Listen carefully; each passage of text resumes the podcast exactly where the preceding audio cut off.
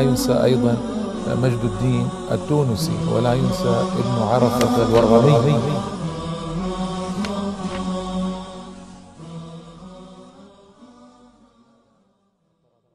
بسم الله الرحمن الرحيم. الحمد لله رب العالمين والصلاة والسلام على سيدنا محمد النبي الأمي الأمين وآله وصحبه أجمعين. أما بعد الإخوة والأخوات السلام عليكم ورحمة الله تعالى وبركاته. وأهلا وسهلا ومرحبا بكم في هذه الحلقة الثامنة والعشرين من هذا البرنامج الذي يتحدث فيه عن شخصيات تونسية كان لها أثر عظيم.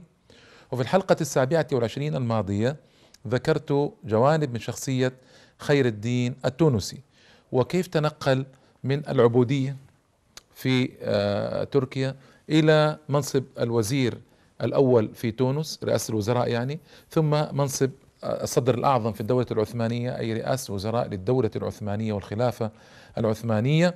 ويا للعجب وهذه تقادير الله تعالى سبحانه جل جلاله. وذكرت جوانب من شخصيته وذكرت أنه عين وترقى في المناصب أنه عين وزيرا للبحرية وساعد في آه، حجب أنواع من الفساد وأصلح أمورا.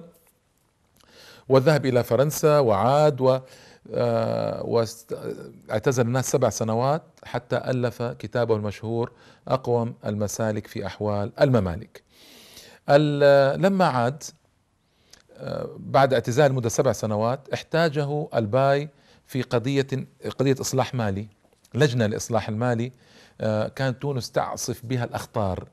لأن بريطانيا وفرنسا وإيطاليا هناك قروض بين تلك الدول وبين تونس وكانوا يحاولون أن يدخلوا إلى مفاصل الدولة التونسية من خلال هذه القروض كما هي العادة في كل زمان ومكان. يفعلون هذا الغربيون إلى يوم الناس هذا عن طريق صندوق النقد الدولي والفساد الذي يصاحب صندوق النقد الدولي والضغوط صندوق النقد الدولي على الحكومات. أمر معلوم ليس هذا وقته لكنه معلوم. فأنشئت لجنة ثلاثية من آه، فرنسا وبريطانيا وايطاليا وعين خير الدين رئيسا عليها وناقشوا هذه المشكلة إلى أن استطاع خير الدين بفضل الله تعالى ثم بحنكته وذكائه وفهمه لأوضاع العالم آنذاك وأوضاع تونس أن يخرج بهذه المشكلة إلى بر الأمان وينقذ تونس من ويلات آه، لو لم تحل هذه المشكلة. وهنا أعجب الباي بهذا اعجابا كبيرا ووصل إليه. جعله بعد ذلك يوصله إلى الصداره العظمى. كيف؟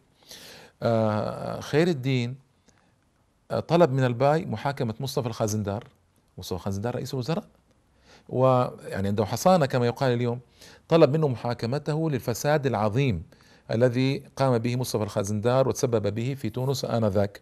وفعلا عينت له محكمة وثبت فساده وغرم خمسة وعشرين مليون قرش تونسي. هذا مبلغ أيضا ضخم ويوازي المبلغ الذي جاء به من فرنسا كما قلت لكم في المرة الماضية آه، بسبب المقاضاة التي جرت مع شخص تونسي فر إلى فرنسا وفر بمال عظيم. هنا عينه الباي وزيرا أول رئيسا للوزراء في تونس فقام بإصلاحات جليلة. تونس كانت تعاني كما قلت في بداية الحلقة الماضية من فساد هائل وسرقات ويعني كما هو معلوم حال معظم الدول العربية هكذا. إلى يوم الناس هذا. تصوروا أن الأرض الزراعية لما تسلم خير الدين تونس كانت الأرض الزراعية ستين ألف هكتار فقط. لا غير. ستون ألف هكتار أرض تونس الزراعية لا غير. قفز بها خير الدين. فكانت لما ترك الوزارة العظمى مليون هكتار. الله أكبر. انظروا إلى أهل الصلاح. إذا أمسكوا بالأمور ماذا يصنعون؟ كيف يبارك لهم؟ من ستين ألف هكتار قفزت الأرض الزراعية إلى مليون هكتار. وجعل آه، ضريبة الاستيراد خمسة في المئة فقط. وكانت ضريبة ثقيلة على الناس. منع الحملات التي كانت تسير إلى البدو في الصحراء لنزع الضرائب منهم بالقوة. وكانت تكلف الدولة مالا ثقيلا ألغاها ولم يسمح بها. جاء أتاح أو سمح للمزارعين بمدة سماح عشرين سنة لا يؤدون ضرائب. وهذا الذي شجع المزارعين على الزراعة وقفزت الأرض من ستين ألف هكتار إلى مليون هكتار. منع أن سمح لهم ألا يؤدوا الضرائب عشرين سنة. انظروا إلى الذكاء والفطنة. عمل صندوقا حديديا وفي وسط عاصمة تونس في الميدان وجعل مفتاحه بيده وطلب من الناس أن يلقوا فيه شكاواهم وتظلماتهم. هذه كانت وسيلة الاتصال آنذاك. وفعلا الناس تأتي وتضع شكاواها آه، هنالك في آه، الصندوق الحديدي ويكشف عنها هو. عين آه، طلب من الباي إنشاء المجلس الأكبر هو مثل مجلس الشورى اليوم. وأعضاؤه ستون معينون وعين خير الدين رئيسا عليهم. أنشأ المكتبة العبدلية في تونس وجعل خير الدين جعل محمد بيرم الخامس رئيسا لها. طور نظام الأوقاف طور نظام القضاء وطلب أن يستفاد من أنظمة القضاء الموجودة في العالم آنذاك بما لا يتعارض مع الشريعة الإسلامية. وهذا شرط رائع.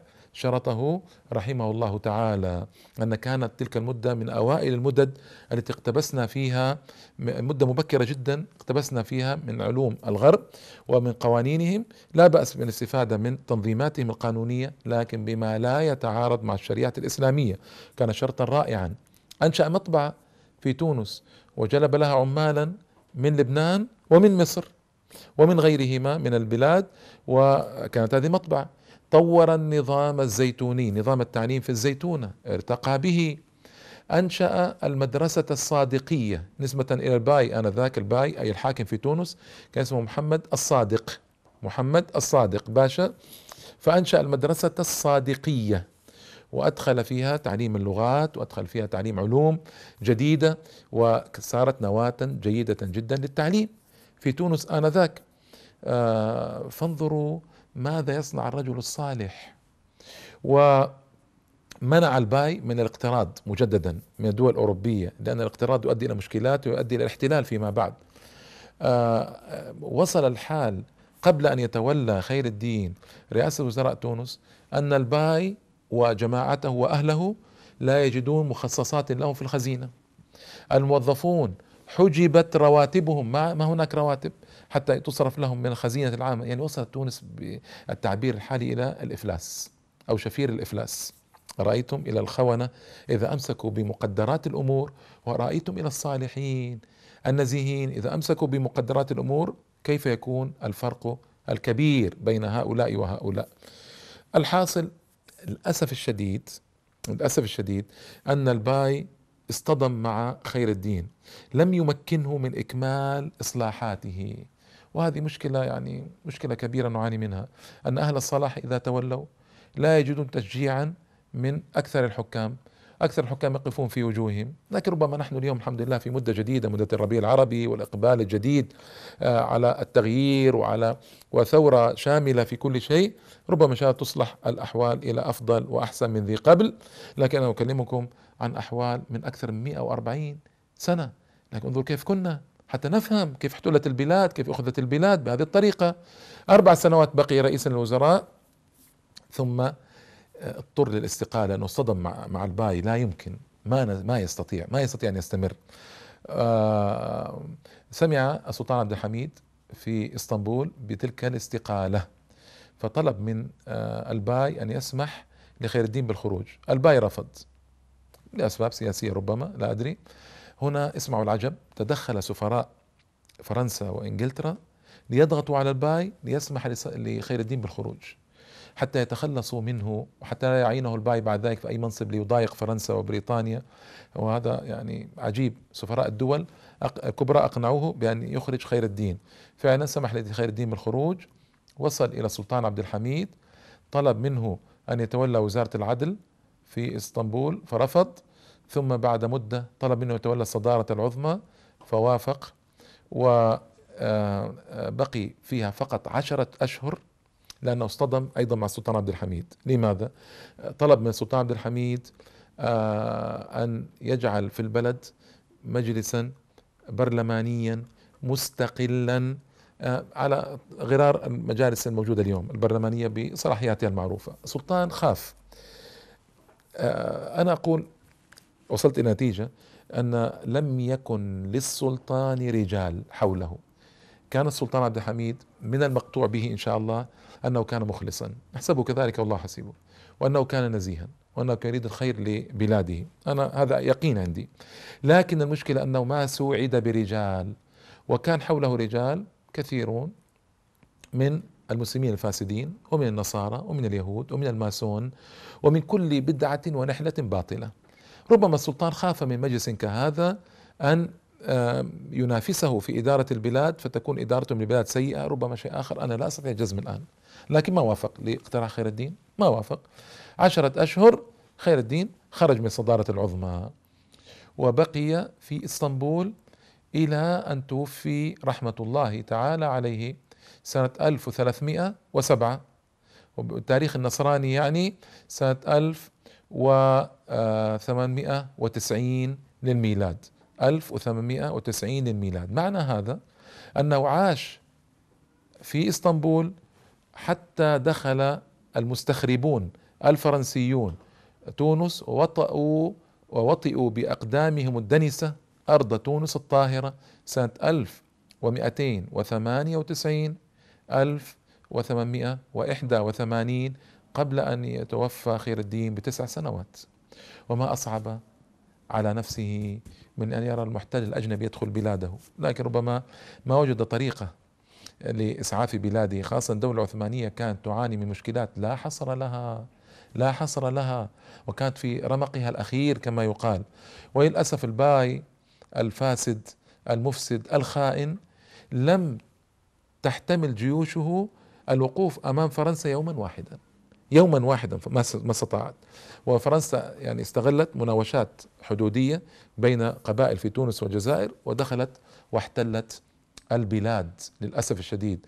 يوم واحد ما احتملت آه، آه، جيوش الباي. هذه الخيانات هي تفسد البلاد تفسد العباد. إنا لله وإنا إليه راجعون. في سنة 1388 1968 أمر الحاكم الأسبق الخائن لدينه وأمته آه، الحبيب برقيبه أمر بإعادة آه، رفات خير الدين إلى تونس يدفن فيها تكريما. ويا العجب كيف يكرم برقيبه خير الدين؟ الذي كانت تعاليم خير الدين تضاد كل ما جاء به برقيبه وبرقيبة كان يطعن في الإسلام والمسلمين ويعذب الدعاء والصالحين ويرميهم في السجون ويفعل بهم الأفاعيل ويمنع الشريعة. وخير الدين لو عاش إلى زمن برقيبة لتبرأ منه. ولا رد عليه كل ما صنعه نسأل الله العافية. لكن المظاهر وحب الظهور وحب الشهرة أعادوا رفات خير الدين ليدفن في تونس دفنا رسميا سنة 1388 الهجرة 1968 الميلاد هذه بإيجاز في حلقتين سيرة خير الدين وإصلاحات خير الدين. خير الدين جاء في وقت غير موات غير موات. رياح التغيير التي أتى بها لم تجد مجالا في تونس للتغيير.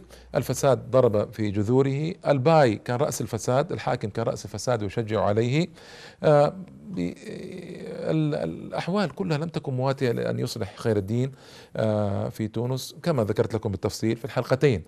أيضا خير الدين هذا الاسم لم يشتهر في المشرق اشتهار جمال الدين الافغاني اشتهار الكواكبي اشتهار محمد عبده اشتهار محمد رشيد رضا اشتهار الإمام الشهيد بإذن الله حسن البنا اشتهار الإمام الشهيد بإذن الله سيد قطب. ما ما اشتهرت يعني اشتهر خير الدين في المشرق كاشتهار هذه الأسماء والسبب هو معلوم أن أهل المغرب العربي الكبير لا يشتهرون في المشرق. ذكر ذلك ابن خلدون وشكى منه ومن قبل ابن خلدون بقرون وبعد ابن خلدون بقرون إلى يوم الناس هذا هذا هو الوضع. فخير دين ما اشتهر في المشرق وإصلاحاته ما انتشرت بين الدعاة والصالحين والمثقفين ومشايخ وطلبة العلم ليدرسوا هذه الإصلاحات دراسة جيدة ووافية. طبعا هنا في المغرب العربي الكبير ربما درست المسألة لكن عندنا ما درست في المشرق. فأتمنى أن تنتشر أخبار خير الدين في المشرق وإصلاحاته وكتابه الجميل آه، اقوم المسالك في أحوال الممالك وأن أن نتوغل في دراسة سيرة هذا المصلح الكبير من أجل أن نستفيد من سيرته وحياته ونضربه قدوة للأجيال الموجودة الآن الناشئة سواء كان في تونس أو في المغرب العربي الكبير أو في المشرق يصلح أن يكون قدوة عصامي رائع من العبودية إلى الصدارة العظمى رئاسة الوزراء في تونس ورئاسة الوزراء في الدولة العثمانية. عصامي وأي عصامي هو رحمه الله تعالى ورفع درجته في الجنة و غفر له. وهي اللقاء مع شخصية أخرى إن شاء الله. والسلام عليكم ورحمة الله تعالى وبركاته.